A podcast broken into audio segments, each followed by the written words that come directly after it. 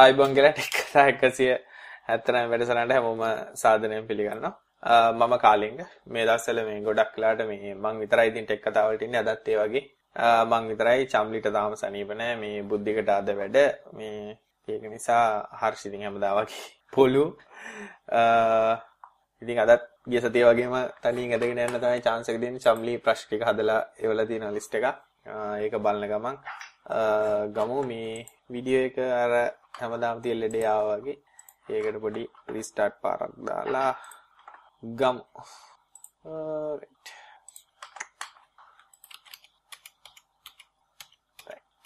ආවන්නේ. හරි. ඔව් ඉඳලා හිටලා ඉතින් මේ මොකක් කරේ ඒ නිසා USB බෑන්ඩ් ඉන්නද මොකද්ද දන්නේ වැඩේ. මේ මේකයි හැමෝමදාම තප් විනාඩි 30ක් ලේට් කියලාගෙන ඇත්තටම අපි පරක් කරන්නේ අපි ගොඩක් කරලා 9ට පටන් ගත්තොත් එහෙම භාගයට භාගය යන්නේ chat room එකකින් ඉතින් ඒක නිසා අපි භාගයේ chance එක දෙනවා කට්ටියට එන්න. කවුද පරක්කු කියන එක තමයි ඊළඟට එතන ප්‍රශ්නේ එන්නේ. හරි. ඕඩියෝ එහෙම මදිද කියලා පොඩි සැකයක් තියෙනවා. ඕඩියෝ එහෙම මදි නම් පොඩ්ඩක් කියන්න. එතකොට සද්දේ වැඩි කරන්න පුළුවන්. අද වීඩියෝ රෙසලූෂන් එක පොඩ්ඩක් අපි අඩු කරා මේ ගොඩක් අයට බලන්න බෑ. කියලා කියන නිසා පොඩ්ඩක් වීඩියෝ කොහොමද කියලා කියන්න. සර්වර් not found නම් වෙන්න විදිහක් නෑ මේ අපේ ඔඩියෝ වීඩියෝ දෙකම අප් කරලා තියෙන්නේ. වීඩියෝ වල තත්ත්වය කොහොමද කියලා කිව්වනම් හොඳයි. හරි. 179 බස් නම්බරය මොකක්ද කියලා නම් මම හිතන්නේ බත්තරමුල්ල බම්බල පිටිය තමයි 179 කියන්නේ. හරි. බස් රූටුත් කියන්න හරි. ප්‍රශ්න ලෙන නිවස් වලට යනවා ඉතින් ලොකුම නිවස් එකක් කියලා මම හිතන්නේ හැමෝම කතා කරන නිවස් එක තමයි මේ Samsung සමාගමෙන් ගෙන එන මොකක්ද ඒකට කියන්නේ? මේ ස්මාර්ට් වොච් එකක් කියන්න බුල. ස්මාර්ට් වොච් එකක් කියලා කිව්වට ඉතින් ඒක ටිකක් අර මෙහි අතේ බඳින්න පුළුවන් ෆෝන් එකක් වගේ කියලා කිව්වොත් නම් ඉතින් ඊට වඩා ගැළපෙනවා. අතේ බඳින්න පුළුවන් ෆෝන් එකක් කියලා කියන්නේ ඉතින් ඒක ඇත්තටම මොකක්ද ඒකට කියන්නේ? වචනයක් නෑ. Smart watch. ස්මාර්ට් වොච් කියන්න බෑ ඉතින් වොච් එකක ස්මාර්ට් ස්මාර්ට් වෙන්න දෙයක් තියනවාද කියන එක තමයි ප්‍රශ්නේ තියෙන්නේ. ඉතින් ඇත්තම කතාව කතා කරොත් එහෙම මේ ඒක එක්තරා විදියක ඌ එක්තරා විදියක මොකක්ද ඒකට කියන්නේ? වචනේ හරියට වෙන්නේ iPod මතක ඇති මේ Apple මීට කාලයකට කලින් මේ iPod touch. එකක් ඒගොල්ලන් ආවට iPod nano එක. iPod nano එකේ මේ iPod nano එකේ තිබ්බ ඇත්තටම ඔය වගේම එකක් තමයි මේ iPod එකම අතේ බඳින්න පුළුවන් මේ ඔරලෝසුවක් වගේ එකක්. ඉතින් ඒක දැන් ගොඩක් අය මේ ගොඩක් අය මේ ප්‍රශ්නයක් අහනවනේ මේ මොකද්ද මේ ස්මාර්ට් වොච් එක කියන්නේ මේක දැන් මේකෙන් මොනවාද වටිනාකම කියලා. මං හිතන්නේ ඉතින් ඒක ඇත්තටම කිව්වොත් එහෙම මේ අපිව තවත් කම්මැලි කරන දෙයක් කියලා කියන්න බලන්න. කම්මැලි කරන දෙයක් කියලා කියන්නේ මේ මිල ඇවිල්ලා මේ ගත්තොත් එහෙම මේ ඩොලර් 200 ගාණක් වෙනවා මේ මේ තියෙන මේ CNL money එකේ දාලා තියෙන ඇඩ් විස්තරය තමයි වීඩියෝ බලනකොට පේනවා ඇති. ඩොලර් 299 කියන Galaxy Gear Gear Watch තමයි කියලා තියෙන්නේ. සැප්තැම්බර් 25 තමයි එනවා කියලා කියන්නේ. මේක ඉතින් සයිස් එක ගත්තොත් එහෙම ටිකක් ලොකුයි. අඟල් 1.63ක ස්ක්‍රීන් එකක් තියලා කියන්නේ. ඉතින් මේ වගේ එකක් මොකටද කියන එක තමයි මට තියෙන මේ ලොකුම ප්‍රශ්නේ. මොකටද කියලා කියන්නේ කියන්නේ. ඇත්තටම අපිට අවශ්‍යද මොකද දැන් ඕකෙන් වෙන්නේ ටිකක් කම්මැලි වෙන එක තමයි ෆෝන් එකත් එක්ක ඔන්න සිංක් කරගත්තොත් ට්විටර් අප්ඩේට් එකක් ආව, වෙදර් අප්ඩේට් එකක් ආව මේකෙන් බලන්න පුළුවන්. දැන් ෆෝන් එකකුත් අතේ තියෙන දැන් ඇත්තටම මම නම් ඔල්ලෝසුවක් බඳින එකත් නවත්තලා තියෙනවා. ඔල්ලෝසුවක් බඳින නවත්තලා කියලා. ඉතින් මම ඔල්ලෝසුවක් බඳින්නේ නැහැ. ඒකට හේතුව තමයි ඉතින් ෆෝන් එකක් ගත්තාම අද කාලේ Tamanට ඕන හැම එකක්ම ෆෝන් එකක තියෙන තව තව තව තව කෑලි කෑලි දැන්. ගොඩක් වෙලාවට කෑලි දෙක තුනක් අරන් යන එක වටින් එක කෑල්ලක ඔක්කොම දින එක දෙන all in one දේවල් නේ දැන් වෙලා තියෙන ඉස්සර නම් ඉතින් ගෙදරක ෆැක්ස් එකක් තිබ්බා ස්කෑනර් එකක් වෙනම තිබ්බා printer එකක් වෙනම තිබ්බා. ඉතින් දැන් අද කාලේ වෙලා තියෙන්නේ ඔය ඔක්කොම ටික තියෙනවා? ඔක්කොම ටික තියෙනවා කියලා කියලා අදහස් කරන්නේ මේ. ෆෝන් එක ෆෝන් එකක් තිය මේ ෆෝන් එකම තියෙනවා, ෆැක්ස් එක තියෙනවා, ස්කෑනර් එක තියෙනවා, printer එක තියෙනවා. ඔක්කොම ටික අර මේ පිටිපස්සෙත් පේන්නේ ඔයගේ එකක් තමයි ඔක්කොම ටික එකට දෙනවා. ඉතින් එතකොට තවත් ස්මාර්ට් ෆෝන් එකේ කෑල්ල කතට එනවා කියන එක තේරුමක් තියනද කියලා ප්‍රශ්න තියෙනවා. Sony ළඟෙත් මීට කලින් එකක් තිබුණා ස්මාර්ට් වොච් කියලා. ඒක නම් ඇත්තට වෙන්නේ ෆෝන් එකත් එක්ක Bluetooth වලින් කනෙක්ට් වෙලා ෆෝන් එකේ ইনফෝමේෂන් වොච් එකේ පෙන්නනවා. මට නම් තේරෙන්නේ තවත් charge කරන්න එකක් වැඩි වුණා තමයි. මොකද ෆෝන් එකේ බැටරි බයිනවා මේ වගේම වොච් එකෙත් බැටරි බයිනවා. එහෙනම් ෆෝන් එක හලලම දාලා වොච් එක ඔය සියලුම දේවල් ටික තියෙනවා නම් ආයෙත් හොඳයි. නමුත් ඊළඟට ආයෙ ප්‍රශ්නයක් තියෙනවා. දැන් අපි පුරුදු වෙලා තියෙන මේ ලොකු ස්ක්‍රීන්ස් වලට.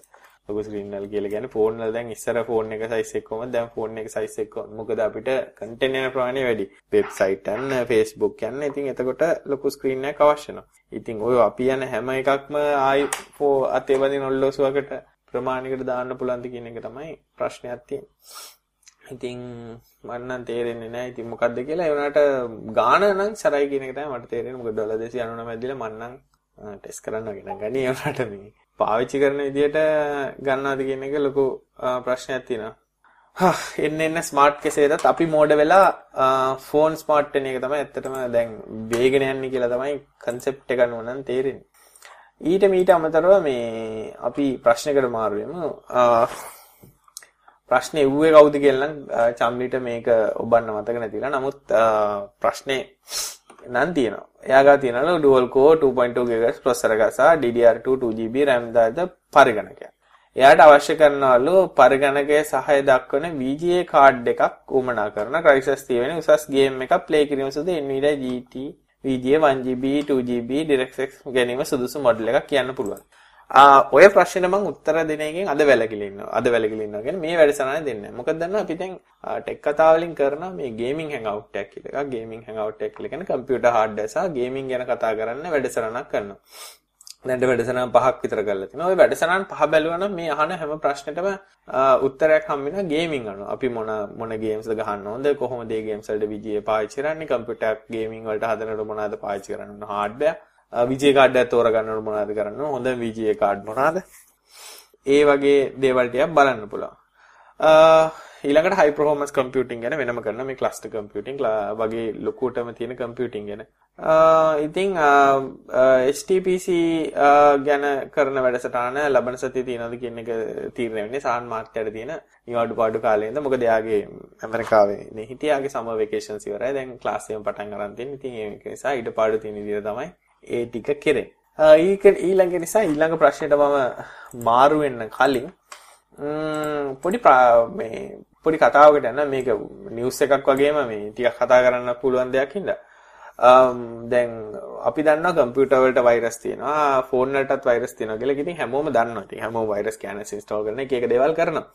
නමුත් කම්පියුටර් වගේම කම්පියුටර් වල වෛරස් ස්කෑනර්ස් දැම්මට කම්පියුටර් වල වෛරස් තියෙනවා. ඒකට හේතුව ඉතින් අපේ තියෙන වැරදි බව මම හිතන්නේ අපි කාලයකට කලින් ටෙක් කතා මැගි කෙලිවා ආටිකල් එකක් ලිව්වා ඉල්ලාගෙන දාගෙන පසු දුක්කන වෛරස් කියලා. ඒ වගේ තමයි ෆෝන් වලත්. ෆෝන් වලත් ලොකුම ප්‍රශ්නේ තමයි මේ මට මේ ළඟ ටික කාලයකට කලින් එක්කෙනෙකුට ලින්ක් එකක් කියලා තිබ්බා.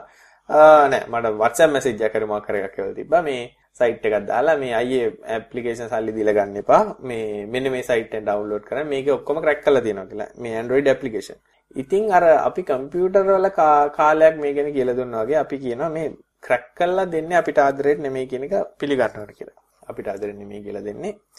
ඇත්තටම software crack කරලා ගොඩක් වෙලාවට අපිට දෙන්නේ ඒකට virus එකක් ඇතුළට දාලා හරි trojan එකක් ඇතුළට දාලා හරි අපේ පරිගණකවලකට ඒගොල්ලන්ට ඇතුල් වෙන්න පහසු වෙන්න හදාගන්න තමයි ගොඩක් වෙලාවට ඔය software site වල ක්‍රැක් දාලා තියෙනවා. අනික තමයි සීරියල් එහෙම මෙන් හොයන්න ගියාම ගොඩක් අය දකින්න ඇති සීරියල් එක ඩවුන්ලෝඩ් කරන්න නම් මේ ඇප්ලිකේෂන් එක ඉන්ස්ටෝල් කරන්න කියලා එනවා. නැත්තම් සීරියල් එකක් ඩවුන්ලෝඩ් කරාම ඉන්නේ exe ෆයිල් එක ඒක ඉන්ස්ටෝල් කරලා සීරියල් එක ගන්න කියලා කියනවා. එහෙම නැත්තම් ඔය ඔක්කොම කරලා ක්‍රැක් සයිට් එකෙන් ඩවුන්ලෝඩ් කරාම කියන මේ ක්‍රැක් එක වෛරස් එකක් කියලා ඩිටෙක්ට් කරනවා. ඒක නිසා ක්‍රැක් එක ඩිසේබල් කරලා මේ ඇන්ටිවයිරස් එක ඩිසේබල් කරලා ක්‍රැක් එක ඉන්ස්ටෝල් කරන්න. ඉතින් ඒකෙන් ඇත්තටම අදහස් කරන්නේ ඔය කම්පියුටර් දෙන ප්‍රොටෙක්ෂන් ඔෆ් කරලා වෛරස් එක දාගත්තට පස්සේ වෛරස් ස්කෑන් එක දාන්න කියලා. ඉතින් ඒක ප්‍රශ්නේ තියෙන්නේ ඉතින් ඒ වගේම දැන් ෆෝන් වලටත් ওই සංහතියම් වෙලා තියෙනවා මේ හොරෙන් අපි එක එක ක්‍රැක් සයිට් වලින් විශේෂයෙන් Google Play කියලා දැන් Android නම් Google Play එකෙන් වගේ ඩවුන්ලෝඩ් කරන්නේ. එහෙම නැතුව වෙන වෙන සයිට් වල කට්ටිය කරන්නේ වෛරස් දාලා ඇප්ලිකේෂන් තියෙනවා. එතකොට ඉතින් අපේ අය ගිහලා ඉන්ස්ටෝල් කරගත්තාම ෆෝන් වලටත් දැන් මේ Trojan botnet එනවා. ඇයි මේ? ඉතින් එකක් තමයි අපේ තියෙන ගොඩක් දත්ත හොරගම් කරගන්න පුළුවන් SMS වගේ ඒවා. ඒගොල්ලන්ට අපේ ෆෝන් හරහා SMS යන්න පුළුවන්. නැත්නම් අපේ data පාවිච්චි කරලා DOS attack වගේ දේවල් එවන්න පුළුවන්. ඒ වගේ ගොඩක් දේවල් වලට ෆෝනුත් දැන් පාවිච්චි කරනවා. ඉතින් ඒක නිසා ඇප්ලිකේෂන් එකෙන් ඩවුන්ලෝඩ් කරලා ඉන්ස්ටෝල් කරනකොට වෛරස් ස්කෑනර්ස් ඇත්තටම දැම්මට වැඩක් වෙන්නේ ඒකට ලොකුම ප්‍රශ්නේ තමයි දැන් මේ සිකියුරිටි ලිස්ට් ආටිකල් එකක් තියෙනවා. දැන් අපි ඒක බැලුවොත් එහෙම Um, ඒකේ මේගොල්ලෝ දැන් විස්තරාත්මකවම කියලා තියෙනවා මේ මේ දේ වෙන්නේ කොහොමද කියලා. මේ දේ වෙන්නේ කොහොමද කියලා කියන්නේ මේ ඇත්තටම මේ මේගොල්ලෝ මොනවද කරන්නේ කියලා. දැන් මේ බැලුවොත් එහෙම මේ ස්පයික් එක බලන්න කොච්චර මේ ඕ මේ මේ backdoor android os ඔබා obad කියන එක නිසා කොච්චර uh, ප්‍රශ්නේ නැතිල. ගොඩක් වෙලාවට මේක මේගොල්ලෝ කරන්නේ ඉන්ස්ටෝල් කරන්න එක්ක අපිට ඊමේල් එකක් එනවා මේ ඇප්ලිකේෂන් එක ඉන්ස්ටෝල් කරන්න. නැත්නම් fake Google App Store එකක් වගේ හදලා අපිව පොයින්ට් කරලා ඉන්ස්ටෝල් කරන්න. ඉතින් ඒ වගේ කළා අපි නොදන්න විදිහට අපේ ෆෝන් එක ඇතුළට රිංග ගන්නවා. ඉතින් මෙහෙම රිංග ගත්තට පස්සේ වෙන්නේ අන්තිමට අපි දන්නෙත් නෑ අපේ කම්පියුටර් එකත් අපි වගේම ෆෝන් එකත් අපි හැකර්ස්ලට බාර දීලා දෙනවා. මම දැන් ලංකාවේ ගොඩක් කම්පියුටර් හැකර්ස්ලට තමන්ගේ කැමැත්තෙන් බාර දීලා තියෙන්නේ. මෙන්න ගන්න එක. ගොඩක් අය හිතනවා ඉතින් අපේ කම්පියුටර් ගන්න දෙයක් නැහැ නේ වෛරස් එක ගියට කමක් නැද්ද කියලා. ඇත්තටම ගන්න දෙයක් නැහැ. නමුත් ඒගොල්ලෝ තමයි ඕගොල්ලෝ පරිකරණක පාවිච්චි කරලා ඩේටා යනවා. මොකද DOS attack වගේ දේවල් යනවා ඩේටා යනවා. කම්පියුටර් එක ස්ලෝ වෙනවා. වැඩ කරන්න බැරි නේ. ඉතින් ඒ වගේම තමයි ෆෝන් උත්. ඉතින් ඒක නිසා ඇප්ලිකේෂන් දානවනේ. දැන් ෆෝන් කියන්නේ අතන කම්පියුටර් බවට පත් වෙලා ඉවරයි. ඉතින් ඒක නිසා ගොඩක් වෙලාවට පරිස්සම් වෙන්න ඕනේ. ෆෝන් වගේ දේවල් වලත් එක එක දේවල් ඉන්ස්ටෝල් කරනකොට. ඉතින් ගොඩක් අය ගියා ඉතින් අපිට සල්ලි නැහැනේ අපි සල්ලි නැතුව කොහොමද ඇප්ලිකේෂන් ගන්න. ඉතින් ඕක හැමෝම දෙන එක්ස්කියුස් එක. බට ප්‍රශ්නයක් නැහැ තමන්ට වෛරස් එකක් දාගෙන ඉන්න කැමති නැහැ. දැන් මම උනත් ඇප්ලිකේෂන් පාවිච්චි කරනවා. මම ඉතින් Google Store එකේ ගිහලා මොන හරි ෆ්‍රී තියෙන ඇප් එකක් තමයි පාවිච්චි කරන්නේ. ඉතින් මං කරන වැඩ ඔක්කොම වගේ ඉතින් මෙහෙම දැන් මේ වෙනකන් දැන් ඉඳලා හිටලා එකක් දෙයක් ඇප් සල්ලි දීලා ගන්න වෙනවා. ඉතින් රුපියල් 200 200ක් වියදම් කළා ඇප් එකක් ඉතින් ගත්තට වරදා දකින්න මොකද ඉතින් ඇප් එක ලියන මිනිස්සයා මහන්සියලා ලියන්නේ. ඉතින් ඒකනේ වෙනුවෙන් ඉතින් පොඩි ගෙවීමක් කරාට කමන්නේ මොකද ඇප්ලිකේෂන් දැන් හිතන තරම් මිල අධික නැති නිසා. ඉතින් ওই කතාවත් එක්කම අපි දැන් තව ප්‍රශ්නයකට මාරු වෙනවා. එයාට දැනගන්න ඕන Arduino use කරලා normal IDE CD drive එකක්. ඒ කියන්නේ කම්පියුටර් එක CD ROM එකක්. මගින් MP3 disk එකක් play කරන්න පුළුවන්ද කියලා. PC එකට කොහෙවත් කනෙක්ට් කරන්නේ නැහැ. CD-ROM එක සහ ස්පීකර්ස් Arduino එකට කනෙක්ට් කරලා තමයි මේක කරන්නේ. power supply එකක් transformer එකක් මගින් කර දෙන්න පුළුවන් නේද කියලා. කරන්න බැරි නෑ පුළුවන්. එකක් තමයි Arduino එකට හැකි. මෙහෙමයි. ඔයාට ඕනේ ඒ කියන්නේ traditional CD නම් දැන් ගොඩක් අය දන්නේ නැද්ද CD කියලා කියන්නේ මොකද්ද කියලා? audio normal CD එකක් නම් CD-ROM එකක් හරහා play කරන්න බලන්න කිසි කරදරයක් නැතුව CD-ROM එක headphone out එකට speaker stick ගැහුවා නම් CD-ROM එකට 12 V 5 V ලබා දුන්නා නම් කිසි කරදරයක් නැතුව ඕක ප්ලේ කරන්න පුළුවන්. Audio player. නමුත් MP3 කියලා කියන්නේ complex format එකක්. ඒක MPEG 2 කියන තාක්ෂණයට තමයි තියෙන්නේ. Arduino එකේ තියෙන Atmel AVR එකට හැකියාවක් නැහැ මේ MPEG 2 audio decode කරලා ඔයාලට audio එකක් විදිහට analog to digital convert කරන්න. ආ ඒකට ඉතින් අනිවාර්යෙන් පාවිච්චි කරන්න වෙනවා analog to digital convert එකක් වගේම MPEG 2 ඩිකෝඩර් එක. ඉතින් ඔය ඔක්කොම කරලා CD-ROM එකට ওই ටික සර්කිට් එක හදලා ගහන්න කන්සිඩරබල් amount එක සල්ලි වැය වෙනවා. ඉතින් ඊට මීට වඩා හොඳයි. පිටකොටේ වගේ ගියාම තියෙන මේ USB modules. USB module කියලා කියන්නේ රේඩියෝ එකයි FM රේඩියෝ එකයි. ඒකට USB එකක් ගහන්න පුළුවන්. MP3 ඔක්කොම ප්ලේ කරන්න පුළුවන්. රිමෝට් එකක් එනවා. මෙන්න මේ වගේ. ඉතින් ඔක්කොම කරන්න පුළුවන් මේ මොඩියුල් එකක් තියෙනවා. රුපියල් 600කට විතර වගේ. ඉතින් ඒ වගේ එකක් ගන්න මම හිතන්නේ ලොකුම ලේසිම හොඳම සාර්ථකම වැඩේ ඒක තමයි. කරන්න බැරි කමන්නේ ඉතින් කරන එක තේරුමක් තියනවාද කියන එක තමයි ප්‍රශ්නේ තියෙන්නේ. කරන විදිහ කිව්වොත් එimhe ඉතින් Arduino එකක් අරගෙන Arduino එකෙන් ඇත්තටම කරන්න පුළුවන් ID interface එක හරහා CD-ROM එකට signals යවන්න පුළුවන් CD-ROM එක control ගන්න track මාරු කරන track ඉස්සරහට යන පස්සට යන. නමුත් CD-ROM එකේ SPDIF out එක අරගෙන ඔයාට MPG2 decoder board එකක් දාලා කරන්න පුළුවන්. නැත්තම් පිටකොටුවේ ගන්න තියෙනවා මේ CD to DVD converter board. A board එක පාවිච්චි කරත් ওই වැඩේ කරන්න පුළුවන්. ඒ board එක මැද 1500ක් විතර වෙනවා. ඉතින් ඒක එතකොට CD-ROM එකේ SPD out එක අරගෙන මේකට දාන්න. නමුත් ඔයාලට CD-ROM controller එකක හදන්න වෙනවා. මොකද CD-ROM controller එක හරහා හැකියාවක් නැහැ කෙලින්ම ට්‍රැක් හඳුර ගන්න. මොකද ෆෝල්ඩර්ස් වල MP3 තියෙන. එතකොට ෆයිල් හැන්ඩලින් පාර්ට් එක ඔයාට Arduino එක හරහා කරන්න වෙනවා. තේරුමක් තියනවද කියන එක තමයි ප්‍රශ්නයක් තියෙන්නේ. අපි යමු තවත් නිවුස් එකකට යමුනේ. නිවුස් එකක් ගැන කතා කරොත් එහෙම ඉතින් මේක ටිකක් හොඳ කතා කරන්න පුළුවන් නිවුස් එකක් තියෙනවා. මේ NASA එකෙන් ඒගොල්ලෝ ඇත්තටම NASA කියලා කියන්නේ මේ ඇමරිකාවේ ඔය රොකට් යන ස්පේස් ඒජන්සි එක. නාසයක් ගැන දන්නේ නැති කෙනෙක් නැහැ. නාසයෙන් මේගොල්ලෝ මේ ටෙස්ට් කරලා තියෙනවා ලේසර් ඒ කියන්නේ ටෙස්ට් කරන්න යනවා කියලා ලේසර් හරහා කමියුනිකේට් කරනවා. මොකද අපි දන්නවා ගොඩක් වෙලාවට මේ data communication ගොඩක් අවශ්‍යයි. නාසයකට විතර අපිට පවා data communication ගොඩක් අවශ්‍යයි. එතකොට මේ ගොඩක් අයගේ තියෙන මතයක් තමයි මම දන්නේ. ගොඩක් අය හිතනවා මේ සැටලයිට් හරහා ආවොත් ගොඩක් කෙනා අම්මා මාර ඉන්ටර්නෙට් ස්පීඩ් එක ඇති සැටලයිට් ඉන්ටර්නෙට් නෑ. ඒගොල්ලෝ හිතන සැටලයිට් තමයි මේ ඉන්ටර්නෙට් වලට හොඳම ක්‍රමය කියලා. ඒක තමයි ලොකුම වැරදි මතය. සැටලයිට් වලින් තමයි ජරාම ඉන්ටර්නෙට් ගන්න පුළුවන් ක්‍රමය. ඒකට හේතුව තමයි රේඩියෝ වේව්ස් වල තියෙන බෑන්ඩ්විඩ්ත් එක ගොඩක් අඩු නිසා ඒව හරහා යවන්න පුළුවන් දත්ත ගොඩක් අඩුයි. ඒ වගේම ඒ සඳහා යන කාලය ගොඩක් වැඩි. මොකද රේඩියෝ තරංග යන්න යන කාලය ගොඩක් වැඩි නිසා.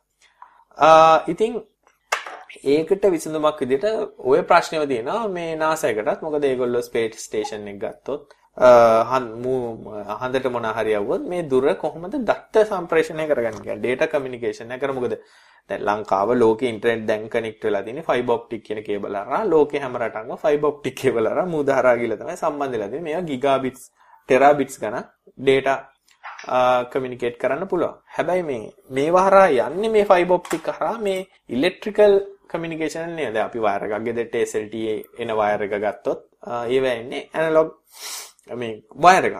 ඒක ඇතුලේ ඉන්නේ කරන්ට් එක. නමුත් ඔප්ටිකල් වල වෙන්නේ ඇත්තටම ආලෝකයක් තමයි ගමන් කරන්නේ. ආලෝකය ලේසර් ගොඩක් වෙලාවට පාවිච්චි කරන්නේ. ඉතින් දැන් ප්‍රශ්නේ තියෙන්නේ දැන් කේබල් එකක් නැතුව ආලෝකය යවන්න ගියොත් එහෙම යවා ගන්න අමාරුයි. දැන් ඔප්ටිකල් ෆයිබර් වල කරන්නේ ඇත්තටම ආලෝකය හරහා තමයි දෙපැත්තට සිග්නල්ස් යවන්නේ. ඉතින් ඒක දෙය කරන්න අමාරු නිසා දැන් NASA එක හදනවා ලේසර් ට්‍රාන්ස්මිටර් එකකුයි රිසීවර් එකකුයි දෙපැත්තේ හයි කරලා මේ දෙක හරහා කමියුනිකේෂන් එකක් කරන්න මේගොල්ලෝ ඒක ඔප්ටිකල් විදිහටම තමයි මේක වැඩ කරන්නේ. එතකොට මේකේ මේගොල්ලෝ දැන් achieve කරලා දිනවා 600 megabits per second වගේ ස්පීඩ් එක. ඉතින් ලොකු ඉම්ප්‍රෙස් වෙන දෙයක් වෙයි. ඉතින් මේක තව ටිකක් යනකොට මේකේ හොඳ දේවල් වෙන්නේ දැන් අර අපිට දැනට සැටලයිට් වල තියෙන දුර්වලතා රේඩියෝ කමියුනිකේෂන් හරහා එනකොට ස්ලෝ එක අපිට සමහරවිට අනාගතයේදී ලේසර් ලයිට් හරහා අපිට ඉන්ටර්නෙට් ගන්න පුළුවන් වෙයි. එතකොට ඉතින් සැටලයිට් එකක් උඩ යවලා සැටලයිට් එක හරහා අපිට එන ලේසර් බීම් එකෙන් අපේ ගෙදරට ඉන්ටර්නෙට් ගන්න පුළුවන්. ඒත් අපි අප්ලින්ක් එක කරන එකටත් අපි ලේසර් බීම් එකක් උඩට අප්ලින්ක් කරනවා. මම හිතන්නේ Google දැනට අර ටෙස්ටිං එකක් කරනවා බ්ලිම්ප් ඒ කියන්නේ වායු පුරවපු බැලුන් වලට යවලා ඒවා හරහා ඉන්ටර්නෙට් බෙදා දෙන්න උත්සාහ කරනවා. ඊට වඩා වේගෙන් කරන්න පුළුවන් දෙයක් වෙයි මේක. හරි. එහෙමනම් හැමෝටම අන්තර්ජාල ප්‍රශ්න chat එකේ බයින්නේ අන්තර්ජාලෙට. ඕක තමයි මම හිතන්නේ හොඳම ඉන්ටර්නෙට් ගන්න මම හිතන්නේ දියුණු වෙලා අන්තිමට වයර් නැතුව අන්තර්ජාලය කියලා කියන වයර්ලස් එක Wi-Fi වෙනුවට ලේසර් ලේසර් වුණා නම් හරි. ම්ම් right. අපි යමු ඊළඟ ප්‍රශ්නෙට. එයා කියනවා C drive එක 861 GB වලින් 31 GB විතරයි use කරලා තියෙන්නේ. C drive එක shrink කරාම 400ක් විතරයි partition එකක් වෙන් කරගන්න පුළුවන්. වෙන වෙන partition දෙකක් තියෙනවා. ඒ Ubuntu partition දෙක dual boot මේකට හේතුව C මොකද්ද? C drive එක 100 GB ඉතුරු කරලා අනිත් ටික partition කරගන්න හදන්නේ කොහොමද? ඔව් ඒක ඉතින් ඔයා partition කරලා තියෙන විදිය හරියට කියන්නේ නැතුව මට හොයන්න බෑ. මොකද partition දෙක දෙපැත්තේ කෑලි දෙකක් වගේ මැද්දෙන් එහෙම එන්න තියෙන සමහරවිට partition එක shrink කරන්න බැරි වෙනවා. අනිත් එක partition ලොකුවටම shrink කරන්නත් බැරි වෙනවා. ඔයාගේ data එහෙට මෙහෙට වෙලා තියෙනවනම් scattered වෙලා තියෙනවනම් ඒ වගේ ප්‍රශ්න නිසා ඕ වගේ MIB chat එකේ අහනවා මේ යාගේ නමක් නෑ මේ ටෙක් කතා ඒගොල්ලන්ට මේ වීඩියෝ එක ඕනේ කියලා ෆෝන් එක හරහා. ප්‍රශ්නයක් නෑ පුළුවන් tekkatha.com/chat කියලා වෙන දෙනා වගේම ස්ලෑෂ් එකක් දාලා m කියලා ගහන්න. වීඩියෝ තියෙනවා මොබයිල් එකේ Android ඒ කියන්නේ live යන වෙලාවට විතරයි Android iPhone එහෙම නැත්නම් දුක වගේ BlackBerry එකක් තියෙනවනම් පාවිච්චි කරන්න පුළුවන්. ඉතින් ඒක නිසා කිසි ප්‍රශ්නයක් නැහැ. ටෙක් කතා මේ ෆෝන් එකෙන් බලන්න පුළුවන්. කිසිම කරදරයක් නැතුව live වෙන වෙලාවට. ඊළඟ ප්‍රශ්නේ තියෙන්නේ එයා Windows 7 වල Wi-Fi කාඩ් දෙකක් ගහලා තියෙනවා. වෙන වෙන ISP ල දෙන්නේගේ Wi-Fi ඉන්ටර්නෙට් දෙකකුත් තියෙනවා. මොකද වෙන වෙනම කනෙක්ෂන් දෙක සම්බන්ධ කරලා වැඩි ඉන්ටර්නෙට් සම්බන්ධතාවයක් හදාගන්න බැරි වෙයිද? ආ බැරි නැහැ. ඉන්ටර්නෙට් ලෝඩ් බැලන්සින් කරන්න බෑ. නමුත් පරිගණකයේ Wi-Fi කාඩ් දෙකක් තිබ්බ පළියට එයා කනෙක්ෂන් දෙකකට සම්බන්ධ වෙච්ච පළියට ওই කනෙක්ෂන් දෙකම පාවිච්චි වෙන්නේ නැහැ.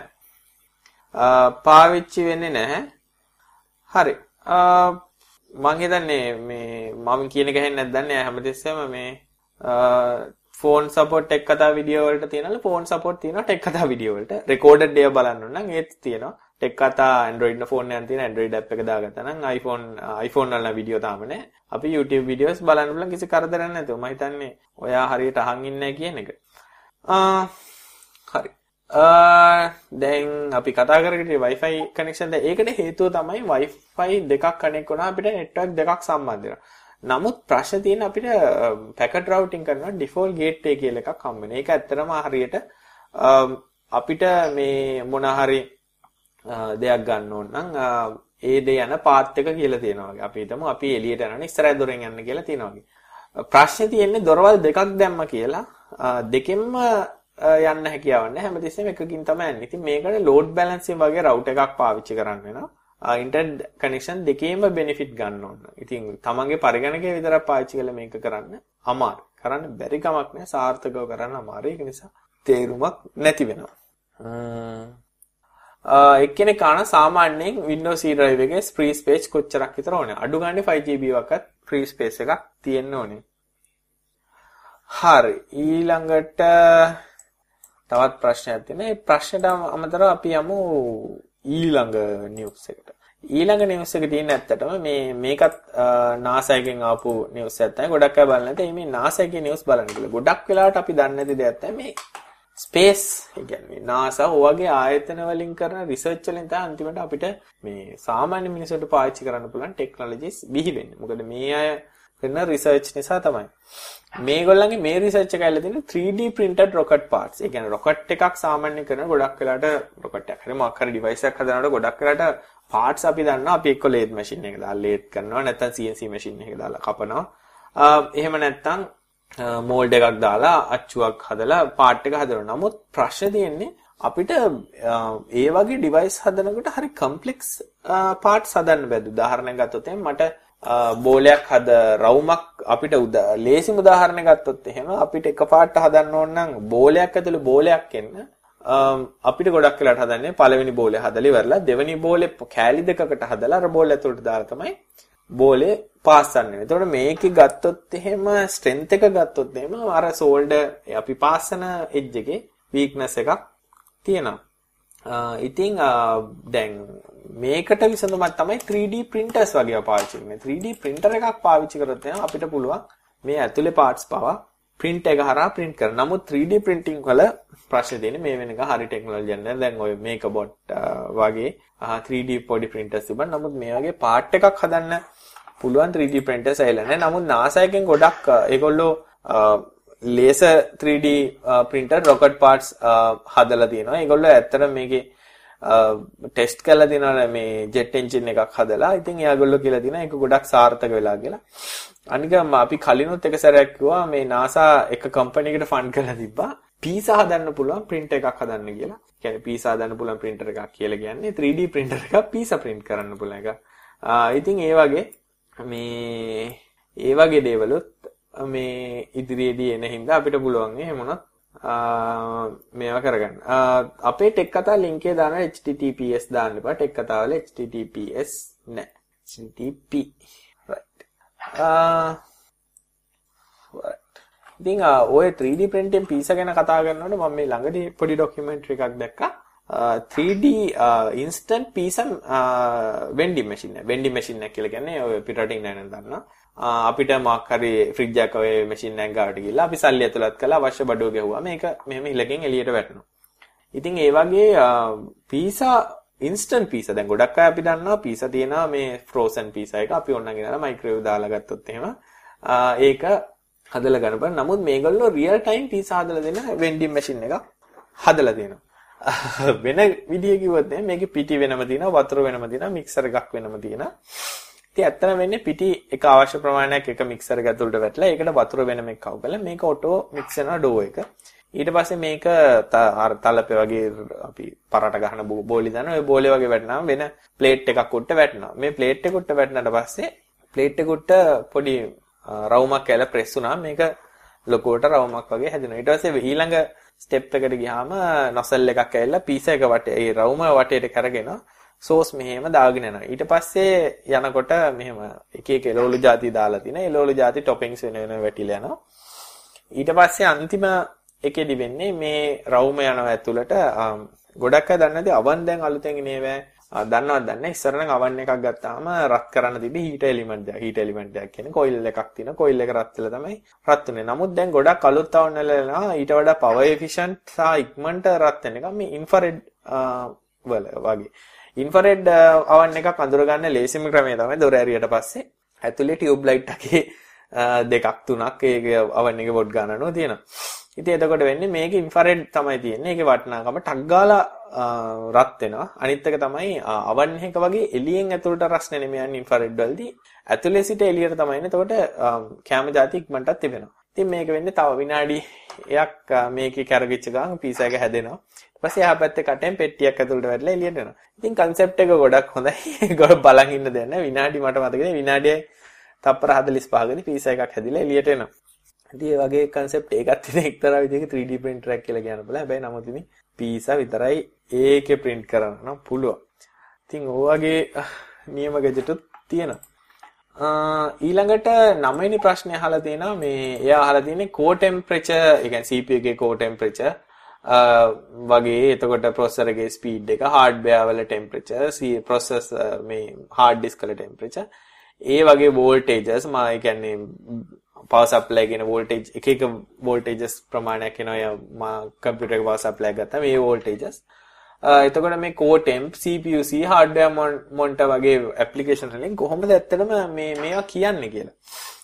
ඒක නම් හරිම පහසුයි. මොකද ඕනම මදර්බෝඩ් එකක් ගත්තාම ඕනම කියන්නේ 90ක් මදර්බෝඩ් ගත්තාම ඒවැ තියෙනවා.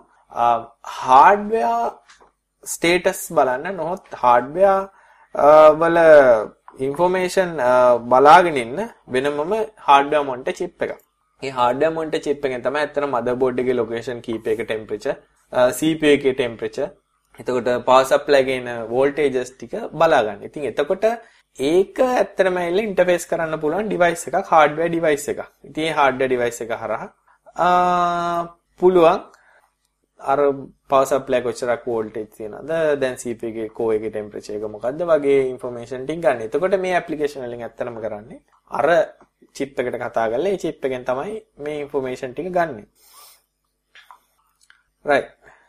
ඊළඟ news එක. ඊළඟ news එක කියලා කියන්නේ ඒකත් ටිකක් හොඳ news එකක්. හැබැයි ඉතින් මේක කට්ටියට වැදගත්ද නැද්ද කියන එක තමයි ප්‍රශ්නේ. නිවුස් එක ගැන කතා කළොත් එහෙම මේ HDMI අපි දන්නවනේ HDMI කියලා කියන්නේ high definition multimedia interface කියන එක. දැන් අලුතෙන් ඇත්තටම අපි දන්නවා HD බලන්න ඕන නම් අනිවාර්යෙන් HDMI පාවිච්චි කරන්න වෙනවා. ඉතින් HDMI පාවිච්චි කරන්න උනහම HDMI ඇයි පාවිච්චි කරන්න කියන එක තමයි ප්‍රශ්නේ. HDMI ඇත්තටම කියලා කියන්නේ දැන් අපි පාවිච්චි කරන ගොඩක් දේවල්. අපි උදාහරණයක් ගත්තොත් එහෙම CD එකක් ගත්තොත්. එහෙම නැත්නම් අපි ගත්තොත් ෆිල්ම් එකක් ඩවුන්ලෝඩ් කරලා ෆිල්ම් එකක් බැලුවොත් Blu-ray එකක් බැලුවොත් මේ හැම එකකම දත්ත තියෙන ඩිජිටල් ආකාරයට. එතකොට දැන් අද කාලේ ගත්තොත් මේ LCD ගත්තොත් LCD ගේ රූප පෙන්නේ ඩිජිටල් ආකාරයට. එතකොට ගොඩක් වෙලාවට දැන් අපි LCD මොනිටර් එකක් අරගෙන අපි VGA කේබල් එකක් කරා මේක සම්බන්ධ කරොත් එහෙම තියෙන ප්‍රශ්නේ තමයි අපේ කම්පියුටරේ ඔක්කොම දත්ත ඩිජිටල් තියෙන. ඒතකොට VGA කාඩ් එක කරා මේක ඇනලොග් බවට පරිවර්තනය කළා තමයි VGA එක හරහා යන්නේ. එතකොට VGA එක හරහා ඇවිල්ලා අපේ මොනිටරයට සම්බන්ධ වුණාට පස්සේ මොනිටරේ තියෙන සර්කිට් එකෙන් ආයේ VGA සිග්නල් එක ඩිජිටල් බවට කන්වර්ට් කරනවා. අපි ඕනම දෙයක් එක එක දෙයක ඉඳන් තවත් දෙයකට පරිවර්තනය කරනකොට යම්කිසි හානියක් සිදු වෙනවා. එතකොට මේ VGA එකක් අරගෙන අපි මේ විදිහට දෙපැත්තට යනකොට හානිය දෙපාරක් සිද්ධ වෙනවා.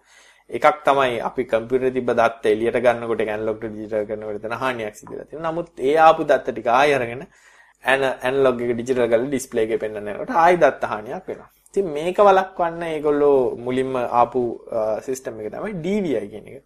DVI වල උනේ ඩිජිටල් වීඩියෝ ඉන්ටර්ෆේස් එකේ පරිගණක ඉඳන් එන දත්ත අපිට ඩිජිටල් ඩිජිටල් විදිහටම කම්පියුටර් එකට ගෙනාවා. නමුත් ප්‍රශ්නයක් වුණා දැන් අපි ටීවී එකක් වගේ ගත්තොත් එimhe DVI ගැව්වොත් DVI හරහා සද්ද වෙන්නේ නෑනේ. එතකොට ඕඩියෝ අපිට ගන්න ආයි තව කේබල් එකක් ගහන්න. එතකොට වයර් දෙකක්. කරදරයිනේ. මේක වෙනුවට ආපු සොලියුෂන් එක තමයි HDMI. HDMI වල වීඩියෝ පමණක් නෙමෙයි ඕඩියෝ යන්නත් පුළුවන්. එක ඕඩියෝ එකක්වත් නෙමෙයි මල්ටි channel ඕඩියෝත් පුළුවන්. මල්ටි channel ඕඩියෝ දැන් අපි Blu-ray එකක් play කරනවා. Blu-ray එකේ තියෙන ඔක්කොම දත් වෙන ඩිජිටල් විදිහට. ඒතකොට TV එක දක්වා මේ දත්ත ටික ඒ ආකාරයෙන්ම අපිට අරගෙන එන්න පුළුවන් වෙන තමයි HDMI ආවේ. නමුත් HDMI ඇවිල්ලා එතනින් නැවතුන්නේ නැහැ. දැන් HDMI දැනට යන version එක තමයි 1.3. 1.3 වල 3D පවා එන විදිහට තමයි ස්පෙસિෆිකේෂන් එක හදලා තියෙන්නේ. ඉතින් දැන් අලුතෙන්ම රිලීස් වෙන්න යන version එක තමයි HDMI version 2. දැන් HDMI වල දැන් මම මුලින් කිව්වා දැන් සද්ද යවුවා. වීඩියෝ යවුවා ඩිජිටල් ආකාරයට. ඊට පස්සේ HDMI 1.3 වලදී Ethernet පවා යවුවා. Ethernet කියලා කියන්නේ අහා data. ඒ කියන්නේ අපි දැන් දන්නවනේ router එකක් කරගෙන අපි කම්පියුටරේට මේ wire එකක් කරා සම්බන්ධ කරත් අපි ඒ සම්බන්ධ කරන්නේ Ethernet හරහා. මේ Ethernet කියන්නේ data packet යවන්න පාවිච්චි උදාහරණයක් ගත්තා මගේ TV එකේ Wi-Fi තියෙනවා. එතකොට මම Wi-Fi හරහා මගේ network එකට connect කරලා දිනවා මගේ Blu-ray player එකක් හරි තාක් මොකක් හරි device එකක් තියෙනවා නම් ඒකත් ආයි Wi-Fi හරි cable එකක් හරි සම්බන්ධ කරන් දෙන්නේ ඒකත් HDMI කේබල් එක හරහා යවනවා. එතකොට මට ඇත්තටම මේ කේබල් තියෙන ප්‍රමාණය ගොඩක් අඩු වෙනවා. එක කේබල් එකක් හරහා මේ හැම වෙලේ ටිකම වෙනවා.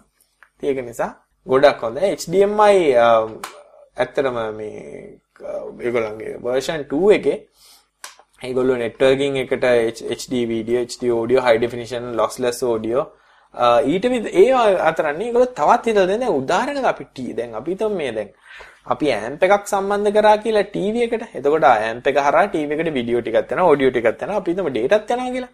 නමුත් අපි ටීවී එකේ වැඩසටහන නම් බලනකොට ඇම්ප් එකට ආයේ මේක ගේන්න ඕන නම් අපි ආයෙ අලුතෙන් වයර් එකක් ගන්න ටීවී එක අවුට් එක කරා. නමුත් දැන් HDMI 2 version එකේ audio return option එකක් දෙනවා. ඒ කියන්නේ ටීවී එකේ HDMI port එක bi directional ලා දෙන. ඒ කියන්නේ ඒ වීඩියෝ ඔඩියෝ යවන්නේ තරම් නෙමෙයි එනේව පවා ගෙන්න ගන්න පුළුවන් වෙලා තියෙන HDMI හරහා.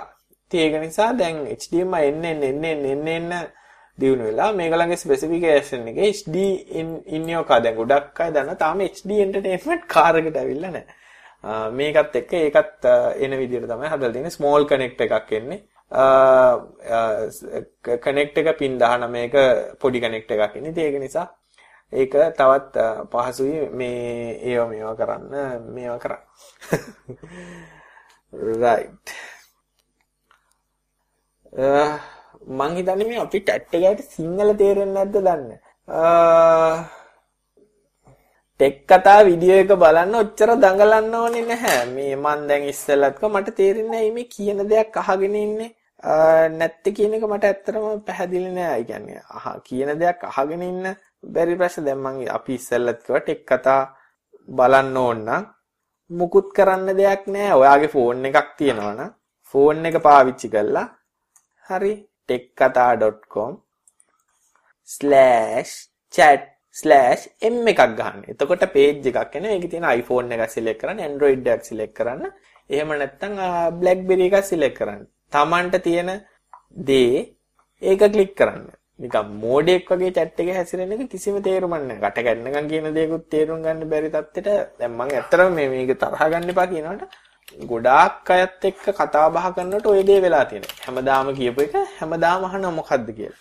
ඒකට හේතුව තමයි ඇහුම්කන් දෙන්නේ හරියට දෙයක් කරනකොට ඇහුම්කන් දෙන්න ඕනේ. ඒක ඉගෙන ගන්න එක වරදක් බයිනව නෙමෙයි. උනාට ඒක තමන්ගේ ලොකු වරදක්. ඒ කියන්නේ තමන්ට තේරුම් ගන්න හැකියාවක් නැහැ. තවත් දෙනෙක් කියන එක. ඒකට හේතුව තමයි attention දීගෙන ඉන්නේ කෙනෙක් කියන දේ අහගෙන ඉන්න එක. ඒක නිසා පොඩ්ඩක් අහන්න.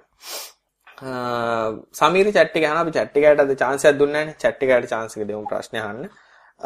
අයි එයා කියනවා සමීර උදව්වක් කරන්න. කාලෙක එයාගා dialog TV postpaid connection එකක් තියෙනවලු. මේ මට per day TV වලට use කරන්න හදාගන්න බැරිද? සමීර ඒක හොඳම වැඩේ තමයි ඩයලොග් එකට ගිහිල්ලා කියන්න මගේ දැන් පෝස්ට්පේඩ් එකක් තියෙන මට මේක ඩිස්කනෙක්ට් කරලා per day TV වලට හරව ගන්න ඕනි කියලා. ආ එහෙම කරගත්තා නම් කිසි ගැටලුවක් නැහැ. තරිඳු ආරහණ chat එකේ මට YouTube live version එක enable නැද්ද? enable. දැන් ගොඩක් කලින් ඉඳන් YouTube live option එක අපිට ඇවිල්ලා තියෙනවා. භාවිතා කරේ නැත්te ඇත්තටම අපිට උමනාවක් තියෙනවා මේ ඇප්ලිකේෂන් හැදුවාම අපේ ඇප්ලිකේෂන් එකේ වීඩියෝ යන්න. එතකොට අපිට මල්ටි බිට් රේට් කරන්න. ඒ වගේ ගොඩක් දේවල් කරන්න හිතන. ඉතින් ඒක නිසා අපි අපේම එකක් රන් කරන එක හොඳයි කියලා හිතන. අපිට ඒක පාලනය කරගෙන යන්න ලේසියි. මොකද YouTube එක අපි හැමතිස්සෙම ඉවෙන්ට් එකක් හද හද ඒක බ්‍රෝඩ්කාස්ට් කරන්න ඕනේ මිසක් හැමතිස්සෙම පර්මනන්ට් ලින්ක් එකක් කාටවත් දීලා තියන්න බෑ.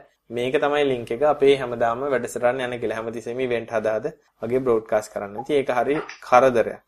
ඉතින් ඒක නිසා තමයි ඒක පාවිච්චි කරන්නේ නැත්තේ.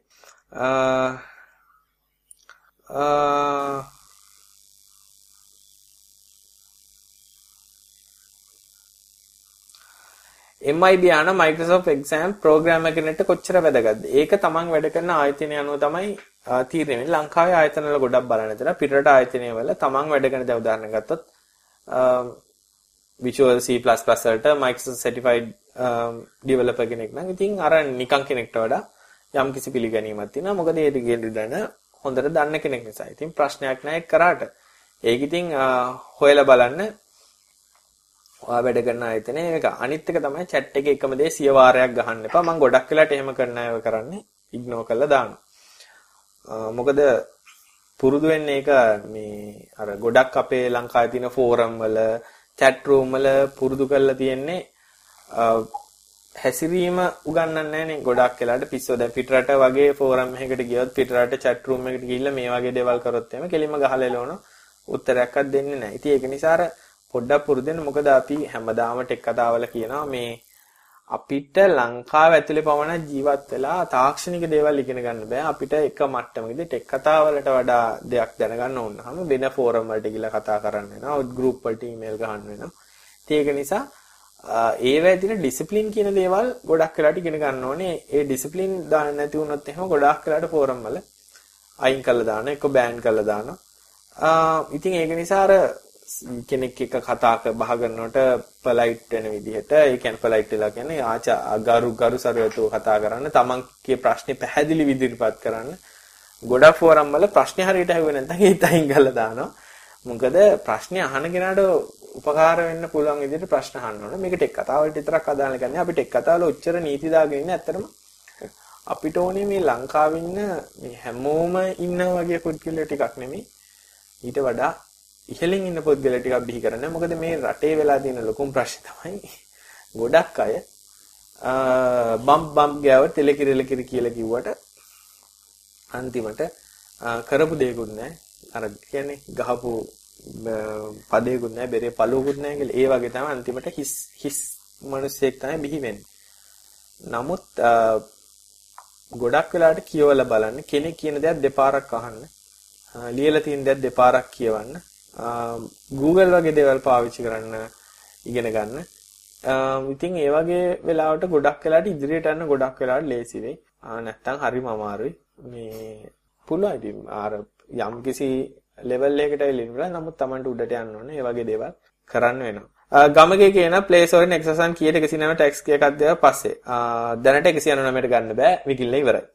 ඒක ආයි ස්ටෝ එකට එන්නේ නැහැ. ඊළඟ Nexus version එක ආවට පස්සේ තමයි ගන්න පුළුවන්. ඒක නිසා දැන් 199 කතාව ඉවරයි. ඊට පස්සේ උදාර chat එකේ අහනවා CCTV DVR එකක් බෑකප් කරන්න NAS එකක් use කරන්න බැරිද? උදාර NAS CCTV DVR එක support කරන නම් backup feature එක network එක හරහා backup කරන්න NAS එකකට backup කරන්න පුළුවන්. ඉතින් එහෙම බැරි නම් ඉතින් Tamanට ඉතින් hard disk එක ගලවලා manually තමයි copy කරන්නේ. අනික ගොඩක් කරාට DVR වල hard disk ඒගොල්ලන්ගේ proprietary format එකකින් නේද තියෙන්නේ. හ්ම් තරින්දවල් කියනවා මේ හැබැයි YouTube link වලට per link එකක් තියනලු. ඔව්. එහෙම තිබ්බට අපිට ප්‍රශ්නලා තියෙන්නේ ෆෝන් වලට අපිට එම්බෙඩ් කරාම YouTube player එකක් හැටියට YouTube application එකට යන මිසක් අපේ application එක ඇතුලෙන් තියාගෙන ඉන්නත් බෑ. ඊට පස්සේ අපිට අවශ්‍ය විදිහට control කරන්න බෑ. මොකද ඒගොල්ලෝ ad පෙන්නනවනේ. ඒ ad පෙන්නන එක තමයි අපිට තියෙන ප්‍රශ්නේ. මොකද අපි Ustream අයින් කරේ මැද්දෙන් ad දාන නිසා. අපිට ad දාන්න ඇත්තටම අවශ්‍යතාවයක් නැති නිසා. ගීත් කියන Android box වලට Ethernet හරහා proxy එකකට connect වෙන්න try කරා. හරි ගියම නෑ Wi-Fi ඕනේද? මම දන්න තරමින් ගීත් Android වල Ethernet options වලට proxy දෙන්න බෑ. Wi-Fi වලට විතරයි proxy දෙන්න පුළුවන්. ඉතින් ඒක නිසා ප්‍රොක්සි එකක් එයි පාවිච්චි කරන පළවෙනි ප්‍රශ්නේ තමයි මේ ගීත් මොකටද ප්‍රොක්සි එකක් ප්‍රොක්සි කියන ටෙක්නොලොජි දැන් ඇත්තටම පාවිච්චි කරන්නේ නැහැ. එහෙම තැනක පාවිච්චි කරන ක්‍රම තියෙනවා මේ transparent proxy ඒ වගේ එක caching proxy එකක් වගේ පාවිච්චි කරන්නේ. නමුත් මේ manually ගිහිල්ලා දැන් proxy එකක් setting දාන තත්ත්වෙට network එකක් තියෙනවනේ. ඒක තමයි යල්පැන ගිය network එකක් තමයි. අනිත් එක තව දෙයක් තමයි ගොඩක් අය දන්නේ මේ කැපිටල් අකුරුනේ ලොකුව ටයිප් කරන එක කෑ ගහනවා හා සමාන දෙයක්. ඒක රූට් කියලා පිළිගන්නේ. ඒක රූට් කියලා කියන්නේ. ඒක කෑ ගහලා පබ්ලික් තැන කතා කරනවා වගේද. එතකොට දෙයක් ටයිප් කරනකොට කැපිට් කැප්ස් ලොක් කියන බටන් එක බාගෙන ටයිප් කරන්න ඕනේ. ඒක අයින් කරලා ටයිප් කරන්න. සාමාන්‍යයෙන් කැප්ස් කැපිටල් කරන එකයි shift කරන්න අවශ්‍ය වචනයක් පටන් ගන්නකොට ඒකේ මුල් අකුර කැපිටල් කරන්න ඒ වගේ දේවල් කරන්න තමයි. MIB අහන මේ ජොබ් එකකට යනකොට Microsoft exam ඕනේ. ජොබ් එකකට යනකොට ඒ ජොබ් එක දාන කට්ටිය කියන Tamanට ඕන කරන qualification මොනවාද කියලා. ඉස්ස එක්ක ඩිග්‍රියක් තියෙනවනේ එක්ක මේක ගැන පාඨමාලාවට අවුරුදු මෙච්චරක එක්ස්පීරියන්ස් එකක් තියෙන්න ඕනේ. එහෙම නැත්නම් A level පාස් වෙලා තියෙනවනේ. ඉතින් ඒ වගේ ජොබ් එකකට යනකොට ඉල්ලන දේවල් තියෙනවා. එකපාරට Microsoft exam එකක් කරලා පළිහෙට ජොබ් එකකට ගන්න. ඒතර ජොබ් එකකට ඉන්ටර්විව් එකට ගියාම කතා කරන්නේ කොහොමද? අපි මේ ටෙක් කතාවල ගොඩක් වෙලාට මේ මේ වගේ දේවල් පවා හදන්නේ ඉන්ටර්විව් එකට ගියාමත් මේ අපිත් එක්ක කතා කරනකොට ඒ හැසිරෙන විදිහට හැසිරුණොත් දැන් ගොඩක් වෙලාවට ජොබ් එකක් ලැබෙන්නේ නැහැ. මොකද කතා කරන වචන හසුරවන්නේ කියන වචන ඒව තමයි ප්‍රශ්නේ තියෙන්නේ. ඉතින් ඒක නිසා තමයි ජොබ් එකකට යනකොට උනත් ඒ වගේ දේවල් කරන්න ඕනේ. රයිට්. බග්ස් බනි ගැන ටෙක් කතා වලින් වාහන ගැන කතා කරමු. හරි. බග්ස් බනිට ප්‍රශ්නයක් තියෙනවා නම් අහන්න උත්තර දෙන්න. හරි. FB15 කාර් එක හොඳයිද කියලා අහනවා. FB15 කාර් එක කියන්නේ මෙහෙමයි. Nissan සාමාන්‍යයෙන් වාහන එච්චර නරක නැහැ. FB15 එක මාකට් කාර් එකක්. මාකට් කාර් එකක් කියලා කියන්නේ ලංකාවේ තියෙනවානේ වාහනේ හොඳද නරකද එක නෙමෙයි. ලංකාව ඇතුළත විකුණ ගන්න පුළුවන්. සාමාන්‍යයෙන් අද දැන් FB15 එක ගත්තොත් මගේ යාළුවෙක් අවුරුදු මම හිතා 8කට නෑ 7කට විතර කලින් මා යාළුවෙක් ගිහිල්ලා එයාට FB15 එක ගත්තේ 0.99 FB15 එකක් 14000කට. මේ ඊයේ පෙරේද විකුණලා ගියා 19000කට. එතකොට ලංකාව තමයි එකම රට පරණ වාහනයක් කරන් ගත්ත ගානට වඩා වැඩියෙන් විකුණන්න පුළුවන්. ඉතින් ඒ වගේ ගන්නකොට හැම වාහනයක්ම බෑ. නමුත් Nissan FB15 වගේ වාහන පුළුවන්. ඒකට හේතුව තමයි බාස්ලා සහ බ්‍රෝකර්ලා සහ මිනිස්සු අතර තියෙන හැඟීමක් ආ මේක හොඳ වාහන. මේක විකුණන්න පුළුවන්. කියන මතේ තියෙනවා. අර Toyota එකක් ගන්න කියනවා වගේ. ඒකට හේතුව තමයි ඒකේ එක්තරා විදිහක මෙහෙම දෙයක් තියෙනවා. දැන් අපි ලෙඩක් හදාගන්න දොස්තර දන්න ලෙඩක් හදාගත්තොත් හොඳ කරගන්න ලේසි. මොකද දොස්තර දන්නවා දෙන්න ඕනේ බෙහෙත් මොනවාද ඒ වගේ තමයි අපිත් දැන් වාහනයක් ගත්තා අපි ඩිපෙන්ඩ් වෙන්නේ ගෑරේජ් එකේ එක හදන්න එක මතනේ. ඉතින් එතකොට හොඳ වැඩේ නෑ ගෑරේජ් එකේ එක හදන්නේ මොනවද කියන එක තමයි ලංකාවේදී ගත යුතු සුදුසු වාහනය. සහ කෑලි වාහන කියන්නේ දැන් Nissan FB15 එකක් FB14 B14 වගේ කාර් ගත්තාම කොහෙ ගියත් කෑලි තියෙනවා. ඉතින් එතකොට ප්‍රශ්නයක් නැහැ. ඉතින් ගැටලුවක් නැහැ. ඉතින් B15 FB15 අතර වෙනස මොකක්ද කියන එක ඇත්තටම එච්චර හිතන්න දෙයක් නැහැ. හිතන්න දෙයක් නැහැ කියලා කියන උදාහරණයක් ගත්තොත් එහෙම ඔය දැන් සුපර් සැලුන් තියෙනවා සැලුන් තියෙනවා. ඔය එක එක පොඩි පොඩි වෙනස්කම් තියෙනවා. දැන් සමහරලාට සුපර් සැලුන් එක හදලා තියෙනකොට සස්පෙන්ෂන් ටිකක් හොඳට හදලා තියෙනවා. නමුත් එදිනදා පාවිච්චියට වාහනයක් ගන්න නම් මේක සුපර් සැලුන් එකක්ද මේක EX සැලුන් එකක්ද කියන එක නෙමෙයි අවස්ථාවේ ඇත්තටම බලන්න ඕනේ මේ කාර් එක හොඳට තියෙන කාර් එකක්ද ඊට පස්සේ පුළුවන් තරම් අලුත් කාර් එකක් ගන්න. පුළුවන් තරම් අලුත් කාර් එකක් ගන්න කියලා කියන්නේ අවුරුද්ද අලුතෙන් ගන්න. දැන් ගොඩක් අයගේ මතයක් තියෙනවා මේ මම නම් අනුමත කරන්නේ AE100 110 Toyota Corolla මේ 96 95 කාර් ගන්නවා ලක්ෂ 17ක් ලක්ෂ 18ක් දීලා. මොලේ හොඳ නැද්ද කියලා දැන් මට නම් අහන්න දෙන එකම ප්‍රශ්නේ. අවුරුදු කීයක් පරණ දේ වාහනයක්. ඕනම දෙයක් රත්තරන් වලින් හැදුවත් පරණ වෙනකොට නරක වෙනවා. නිසා ඊට වඩා හොඳයි අවුරුදු 3-4ක් අලුත් වෙන වාහනයක් ගන්නවා. ඒ වාහනේ අලුත් නිසා. ඉතින් ඒක නිසා ඒ ඒ ලොජික් එක පොඩ්ඩක් මතක තියාගන්න වාහනයක් ගන්නකොට පුළුවන් තරම් අවුරුද්දක් දෙයක් හරි අලුත් එකක් ගන්න. ඉතින් ඒක තමයි හොඳ. ගොඩක් වෙලාට ඔය ක්‍රිස්ටල් ලයිට් මොඩල් එක මාකට් කියයි. එහෙම නැත්නම් මැද්ද ඇන්ටනා එක තියෙන එක මම දැන් ඔය දැන් උදාහරණ ගත්තොත් එහෙම Nissan Beetle මොඩල් එක මේ ඒක මැද්ද ඇන්ටනා එක නම් මාකට්ලු පැත්ත ඇන්ටනා එක නම් මාකට් නෑලු. ඕවගේ ප්‍රශ්නත් තියෙනවා. පැත් මැද්ද ඇන්ටනා එකක් හොඳ නැති කාර් එකක් ගන්නට නම් පැත්තේ හොඳ ඇන්ටනා එකක් තියෙන කාර් එකක් ගන්න එක හොඳයි කියන ලොජික් එක තමයි මගේ තියෙන්නේ. වාහන ගන්නකොට බලන්න ඕන ලොකු දේවල් තියෙනවා. උදාහරණයක් ගත්තොත් එහෙනම් වික්ස් වගේ වාහනයක් ගන්නවා නම් 1000cc එන්ජින් එකකට වඩා 1300cc එන්ජින් එක පෙට්‍රල් කරනවා. FB14 එකක් වගේ ගන්නවා නම් 1000cc 1300 එක ගන්නවට වඩා 1500 එක ගන්න එක වටනවා. ඒකට හේතුව තමයි වාහනේ ලොකු වෙන්න ලොකු වෙන්න පොඩි එන්ජිමක් තියෙනකොට ඒ වාහනේ අරගෙන යන එන්ජිම දරන ශක්තිය ගොඩක් වැඩි. එතකොට වැඩියෙන් පෙට්‍රල් පිච්චෙනවා.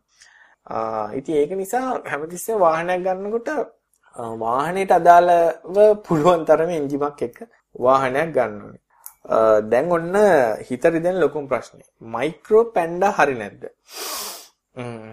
මයික්‍රෝ ගැන ලංකාවේ සමාගමක්. ඒක ගැන ඉතින් අපි සතුටු වෙන්න ඕනේ. එහෙම අඩු ගානේ වාහන පිටරටින් ගෙනල්ලා හරි මෙහෙ නම ගහලා හරි විකුණනෙක් ගැන.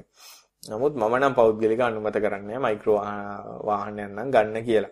අලුතෙන්ම ගන්නන ප්‍රශ්න නමුත් දන්න කෙනෙක් නම් මයික්‍රෝ ආයතනයේ සේවාව ඒවා ගැන නම් හොඳ කියන්නේ නැහැ. නමුත් ඉතින් එක එක අයගේ කතා එක එක විදිහට වෙන්න පුළුවන් නිසා මට පෞද්ගලික වේ පිළිබඳ එක්ස්පීරියන්ස් නැති නිසා හරියට කියන්න අමාරුයි. නමුත් මම නම් වාහනයක් ගන්නවා මම නම් ජපාන් වාහනයක් ගන්න එක තමයි ගොඩක් වෙලාට උත්සාහ කරන්නේ. කොරියන් වාහනයකටත් වඩා.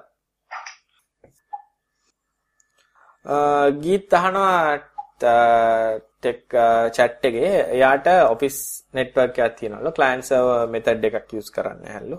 Uh, network bandwidth එක use වෙන විදිය මොනිටර් කරගන්න පුළුවන් software එකක් මොනවද තියෙන්නේ. Um, හරි ලේසි ගියත් ඕගොල්ලෝ ADSL හරි මොකක් හරි router එකක් පාවිච්චි කරනවා ඇතිනේ. Uh, මෙහෙම ඔයාලට එක එක කම්පියුටරේ යන බෑන්ඩ්විඩ්ත් බලන්න ඕනේ නම් ඒක වෙන ක්‍රමයක් තියෙනවා. නමුත් ඔක්කොම ඕවර්ඕල් බෑන්ඩ්විඩ්ත් බලන්න ඕන නම් SNMP සපෝට් කරන රවුටර් එකක් නම් ඔය පාවිච්චි කරන ගොඩාක් රවුටර් SNMP සපෝට් කරනවා.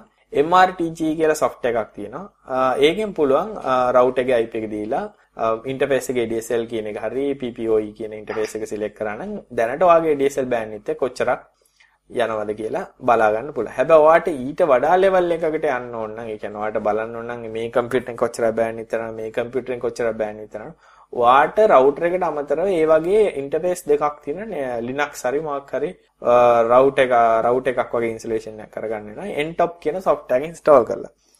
Ntop කියන software එක පාවිච්චි කරොත් එහෙම ඔයාට පුළුවන් අදාළ පරිගණක පරිගණකයක IP එකක් ගන්න මොනාටද data යන්නේ මොනාටද පාවිච්චි කරන්න කියන දේවල් ටික බලා ගන්න. ඉතින් ඒක පාවිච්චි කරන්න ගොඩක් ලේසියෙන් බලා ගන්න පුළුවන්.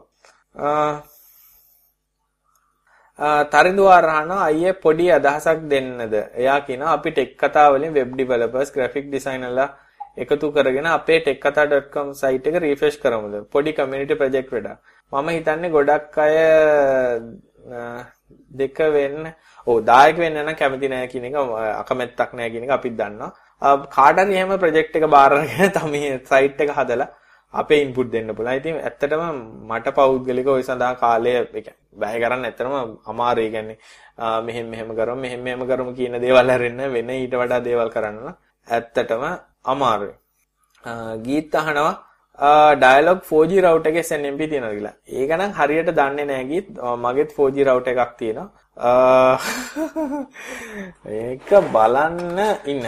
තප්පරයක් දෙන්න මං මේ ගීත්ගේ ප්‍රශ්නෙට උත්තරයක් දෙන්න උත්සාහ කරන්න මොකද මේ මගේ තියෙනවා එහෙම රවුටර් එකක් මේකේ තියනවද නැද්ද කියන එක බලන්න නම් මේක හරහා තමයි බලන්න වෙන්නේ SNMP නම් නෑ වගේ. yes. මට පේන විදියට නෑ. නමුත් settings වලින් ගිහලා SNMP enable කරන්න පුළුවන්ද කියලා චූට්ටක් log වෙලා බලන්න.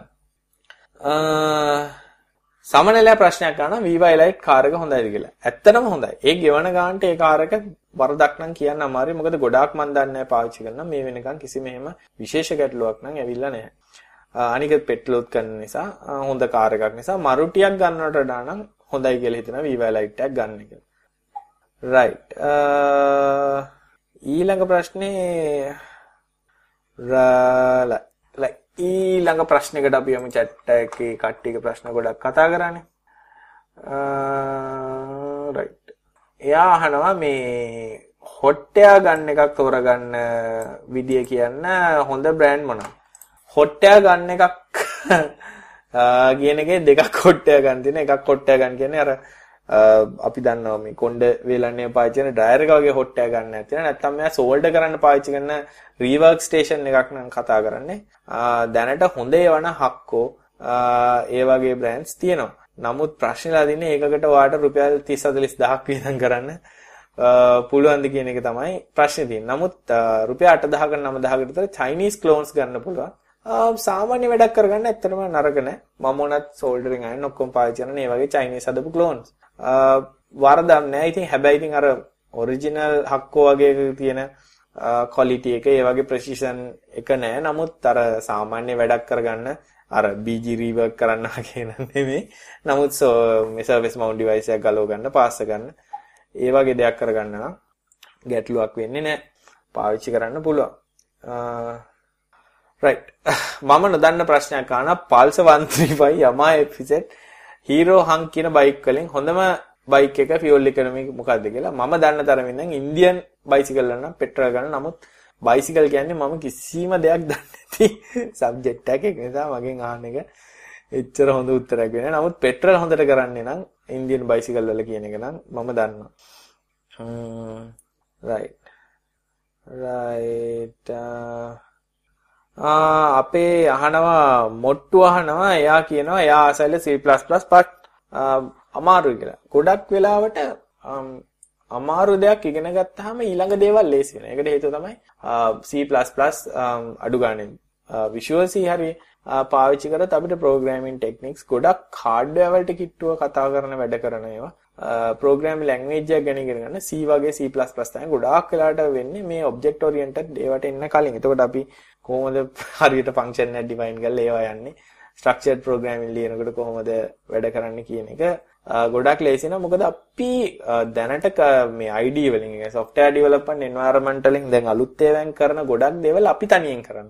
ඒකට අපිට language එක පාවිච්චි කරන්න ඇති, language එක memory manage කරගන්න ඇති.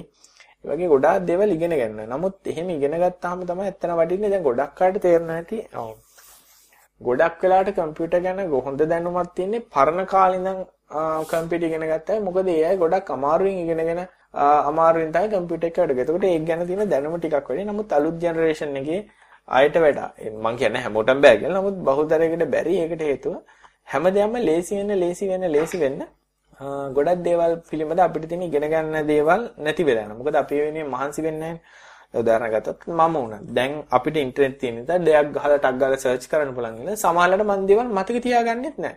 මොකද මම දන්නවා මේක ටක් ගාලා සර්ච් කරාම ආයි ඒක මට හොයලා ගන්න පුළුවන් කියලා. දැන් උදාහරණ ගත්තොත් මොකක් හරි දෙයක් කරන්න දෙහැටි වුණා. නමුත් ඉස්සර එහෙම වුණේ පොතක් බලලා පොත කියවලා පොතේ තියෙන දේ මතක තියාගත්ත නිසා දෙවනි පාර පොත පෙන්නන්න අවශ්‍ය වෙන්නේ නැහැ. මතකෙන්න ඒ දේ කරන්න හැකි වුණා. නමුත් දැන් එන්නේ එන්නේ එන්නේ එන්නේ වෙලා තියෙන අපේ මතකයන් පිරිහි යනවා මතක ශක්තිය නැති වෙලා යනවා ඊට ටික කාලයක් යනකොට මේ මතක හිටින එක නැතුම නැතිව මොකද මොලේ කියලා කියන්නේ පාවිච්චි කරන තරමට හොඳ වෙන එක. අනිත් ශරීරයේ හැම දෙයක්ම තියෙන්නේ පාවිච්චි කරන තරමට අල වෙන ඒවා. කට වැඩියෙන් පාවිච්චි කරලා අක්කගේ වෙනවා, ඒ උගුර මේවා වෙනවා, ඒ වගේ වෙනවා. අපි අතක් වැඩියෙන් වෙලා අතරි දෙන්න ගන්නවා. ඒ වගේ දේවල් වෙනවා. නමුත් මොලේ කියන එක පාවිච්චි කරන්න කරන්න කරන්න කරන්න කරන්න කරන්න වෙන්නේ මොලේ දියුණු වෙන එක. ඒක නිසා හැම දෙයක්ම ඒ වගේ කරන්න පුළුවන් නම් ගොඩක් හොඳයි. මටත් ඇතුළ මටත් දැන් සමහරවිට කෙනෙක්ගේ නමක් කව එකපාරට මතක හිටින්නේ. ඒක තමයි මොලේ ක්‍රියාකාරීත්වය කාර්යක්ෂමතාවය ගොඩක් අඩු වෙලා. සාමාන්‍යයෙන් කියන යාගේ hard disk එකක් තියෙනවා smart error එකක් නේ මේ HDD ගොඩ ගන්න පුළුවන්ද? smart error එකක් එනවනම් ඒක ගැන හිතන්නත් එපා ඒක හදන්නත් එපා එහෙම හදන්න බෑ. බුස් කාලා අයින් කරා hard disk data recorder backup කරගත්තා අලුත් hard disk ගත්තා. ඒක තමයි දෙන්න පුළුවන් හොඳම උපස අර tool එක දාලා හදන්න පුළුවන් කියයි මේ tool එක දාලා හදන්න පුළුවන් කියයි. ඒකෙන් වෙන එකම result එක තමයි තමන්ගේ කාලය සහ මුදල් අනවශ්‍ය විදියට මේ වෙලාව යන එක. හරි. chat එකේ කෙනෙක් කියනවා C++ උත් object oriented no. C කියන මං කිව්ව මට වචන දෙක පැටලුණා. C ඉගෙනගෙන C++ වලට එනවනම් ගොඩක් වෙලාට හොඳයි. ඊට පස්සේ chat එක ගන්න තුෂාන්ත 102 TB ගන්නවා. හොඳම බ්‍රෑන්ඩ් එක මොකද්ද? දැනට ඉතින් Hitachi hard disk එනේවා. එහෙම නැත්නම් Western Digital, Toshiba වගේ ගොඩක් hard disk Seagate, Samsung. ප්‍රශ්නයක් නෑ hard disk. ගෝල් වල සෙට් වෙනා කියපයි සෙට් වුණත් නෑ තාම සෙට් වුන්නේ නෑ. මොකද අපි තාම ගෝල් වලට ආපු නැසි නම් මම හිතන්නේ අපි 14 මේ 15 තමයි දාගත් හර 22ද කොහෙද දාගත්? ගෝල් එන්න මට මතක විදිහට මේ මාසේ 22 right big program ඉගෙන පික් ප්‍රෝග්‍රෑම් ඉගෙන ගන්න හොඳ තැනක් තියෙනවද? හොඳ තැනක් නම් මම දන්න තරම් වෙන්නේ නමුත් අන්තර්ජාලය බැලුවොත් ඉගෙන ගන්න බැරි වෙන්නේ. දැන් ඇත්තටම ඉන්ටර්නෙට් එක කියලා කියන්නේ ඉස්කෝලයක් වගේ. ඉතින් ගොඩක් දේවල් හොයලා බැලුවොත් එහෙම. අනිවාර්යෙන් ඉන්ටර්නෙට් එකේ තියෙනවා. බැයිරුත් ගියා. ඕනේ පැය පන්න ගත්තා කියවලා කියවලා. අමාරුයි දැන් කියෝ කියෝ ඉන්නත් කටේ වතුරත් යන්ති ගානටම ගිහිල්ලා තියෙන්නේ. අපි ලබන සතිය හම්බ වෙමනේ. කවුරු නැතුණා මං හරි ලබන සතියේ මාත් එනවා. පොඩි ප්‍රශ් කතාවක් කියන්න දෙන ගොඩක් අය හැමදාම මට මගදී අදත් එක්කෙනෙක් ආවිල්ලා අහනවා මේ යා මාව වඳුරගෙන එළව අනේ කාලෙන් කියන්නේ කියලා. මම ටෙක් කතා බලනවා මේ ඔයාගේ Arduino project එක Android එකක් මේ sorry Arduino එක TechDuino ඉගෙන ගන්න කොහොමද කියලා අහනවා. මෙහෙමයි සම්පූර්ණයෙන් ඉගෙන ගන්න ටිකක් අමාරුයි. එකපාරට ටෙක් කතා මොකද ටෙක් කතා බැලුවට Arduino ගැන ඉගෙන ගන්න අපි කරන්නේ. නමුත් ටෙක් කතා සයිට් එකේ ගිහිල්ලා දකුණු පැත්තේ යට තියෙන Arduino කියන link එක ක්ලික් කරොත් එම Arduino වලට අදාළව අපි කරපු හැම වැඩසටහන ඒක වෙනුවෙන් අපි වැඩසටහන් කරන්නේ ඒ වැඩසටහන් ටික ලිස්ට් වෙනවා. ඒ වැඩසටහන් ටික බැලුවනම් Arduino පාවිච්චි කරන හැටි Arduino එකක් හදාගන්න හැටි, ඒ කියන්නේ TechDuino එකක් kit එකක් හදාගන්න හැටි ඔක්කොම අපි කරලා තියෙනවා. ඉතින් ඒක නිසා මේ මේ වීඩියෝ ටික පොඩ්ඩක් බලන්න. මොකද දැන් ටෙක් කතාවල ටෙක් කතා වැඩසටහන විතරනේ සයිට් එක අපි ටෙක් කතා යනවා. ඒක අපි සිකුරාදාට කරන වැඩසටහන. ඊට පස්සේ සෙනසුරාදා හැම සෙනසුරාදාවකට සැරයක් ඒ කියන්නේ එක සෙනසුරාදා කරලා ඊළඟ සෙනසුරාදා යනවා hardware and gaming hangout. ඒක අපි hardware, computer hardware ගැන, hard disk ගැන, VGA card ගැන, RAM ගැන, gaming mouse, gaming keyboard ගැන, SSD ගැන ගොඩක් දේවල් ගැන කතා කරනවා. ඒක යනවා. ඊට පස්සේ ටිකක් advanced කට්ටියක් ඉන්නවනේ. අපි කරන high performance computing කියලා. high performance computing කියලා කියන්නේ super computers ගැන. මේ නිකන් computer ගැන නේ super computers හදන්නේ කොහොම super computer පාවිච්චි කරන්නේ කොහොමද? අපි දැන් super computer තමන්ම හදාගන්න එක තැනට පාව වැඩසටහන කරලා තිනවා. ඒවත් බලන්න පුළුවන් ටෙක් කතා හරහා. ඉතින් මේ ඔක්කොම ඔය hangouts දෙකම අපි දාන්නේ වීඩියෝ හැටියට. නමුත් ළඟදී අලුත් වැඩසටහන අපි audio mp3 හැටියටත් ලබා දෙන්නේ කට්ටියට ඒව අහලා බලන්න පුළුවන්. ඉතින් මේවා යන වෙලාවල් දැනගන්න ඕන නම් කොයි වෙලාවටද මේවා යන්නේ කොහොමද යන්නේ කියලා දැනගන්න ඕන. ලේසිම වැඩේ තමයි ලංකාවේ හරි පිටරට හරි කොහිටියත් ප්‍රශ්නයක් නැහැ. follows හිස් තැනක් 4.4.4ට SMS එකක් යවන්න. follow f tech කතා space එකක් tech කතා SMS කරන්න ඕනේ 4.4.4ට. ඔයගොල්ලන්ට සල්ලි යන්නේ අවන SMS. ඒ අවුප SMS එකට විතරයි. ඊට පස්සේ එන SMS වලට මුදල් යන්නේ අපි දෙන අප්ඩේට් SMS අප්ඩේට් ඔයාට SMS එකක් විදියට ලබා ගන්න පුළුවන්. අලුත් එපිසෝඩ් එකක් අපි සයිට් එකට දැම්මම එපිසෝඩ් එක රෙකෝඩ් කරන්න පටන් ගන්නකොට කවදද යන්නේ කියන අපි ওই විදියට දානවා. ප්‍රශ්න විසඳ ගන්න ඕන නම් අනිත් අයට දෙන ලේසි ක්‍රමය. දැන් ගොඩක් වෙලාට සමහරවල්ලාට ටෙක් කතා වලින් ප්‍රශ්න අහලා උත්තර එනකන් ඉවසන්න බැරි නම් Facebook එකේ සර්ච් කරන් ටෙක් කතා කියලා ටෙක් කතා කියලා සර්ච් කරනකොට දෙකක් එයි. අපේ Facebook fan page එකක් තියෙන. ඒ කියන්නේ page එකක් තියෙනවා group එකක්. group එකට join වෙන්න. එතකොට group එකේ ප්‍රශ්න අහන්න පුළුවන්. ප්‍රශ්නයක් අහනකොට පැහැදිලිව ප්‍රශ්න අහන්න ඒක ලෙසි. නැත්තම් email වලින් මේ වැඩේ කරන්න පුළුවන් නම් ටෙක් කතා Google group එකක් තියෙනවා. ඒකට ගිහිල්ලා රෙජිස්ටර් වෙලා ඊමේල් හරහා අහන්න පුළුවන්. ඒකේ ගොඩාක් කට්ටිය ඉන්නවා. ගොඩක් දැනුම අය ඉන්නවා. ඒ ඇත්ත එක්ක කතා බහ කරලා යාළුවෝ ඇති කරගන්න බව පුළුවන් ඒක හරහා සම්බන්ධයි. ඉතින් මම හිතන්නේ ඔය ටික හරහා කරගන්න ලේසිම වැඩේ. ටෙක් කතා ලයිව් යන වෙලාවට වීඩියෝ එක බලන්න ඕන. ලේසින් වැඩේ ෆෝන් එකක් නැතිනේ Android හරි iPhone හරි එහෙම නැත්නම් follow 404040 නෙමේ follow space ටෙක් කතා 4040 4040 වලට තමයි SMS කරන්න ඕන අංගේ. followers හිස්තන ටෙක් කතා කියන එක තමයි ටෙක් කතා වලට තියෙන එක. ආ එහෙම නැත්නම් මගේ මා මං ගහනේවා දැනගන්න නම් වල්පල් දැනගන්න නම් ෆලෝ හිස්තන කාලිංග කියලා ගහලා 404040 වලට යහුවන. මම SMS කරන වල්පල් SMS එකක් මේ ට්වීට් කරන දේවල් SMS එකකට ගෙන්න ගන්න පුළුවන්. පුංචි බබා අහනවා ලංකාවේ ලැප්ටොප් මදර්බෝඩ් රිපෙයාර් කරන ෂොප් තියෙනවද? ඔව්. හරියට කරනව නැද්ද නම් දන්නේ. මෙට්‍රොපොලිටන් පවා මදර්බෝඩ් රිපෙයාර්ස් නම් කරනවා. හරි. එහෙනම් අදට ටෙක් කතා මෙච්චරයි. අපි ලබන සතියේ හම්බ වෙමු. හැමෝටම සුබ සතියක්, සුබ රාත්‍රියක්. ම්ම් එහෙනම් අපි ගිහින් එන්න.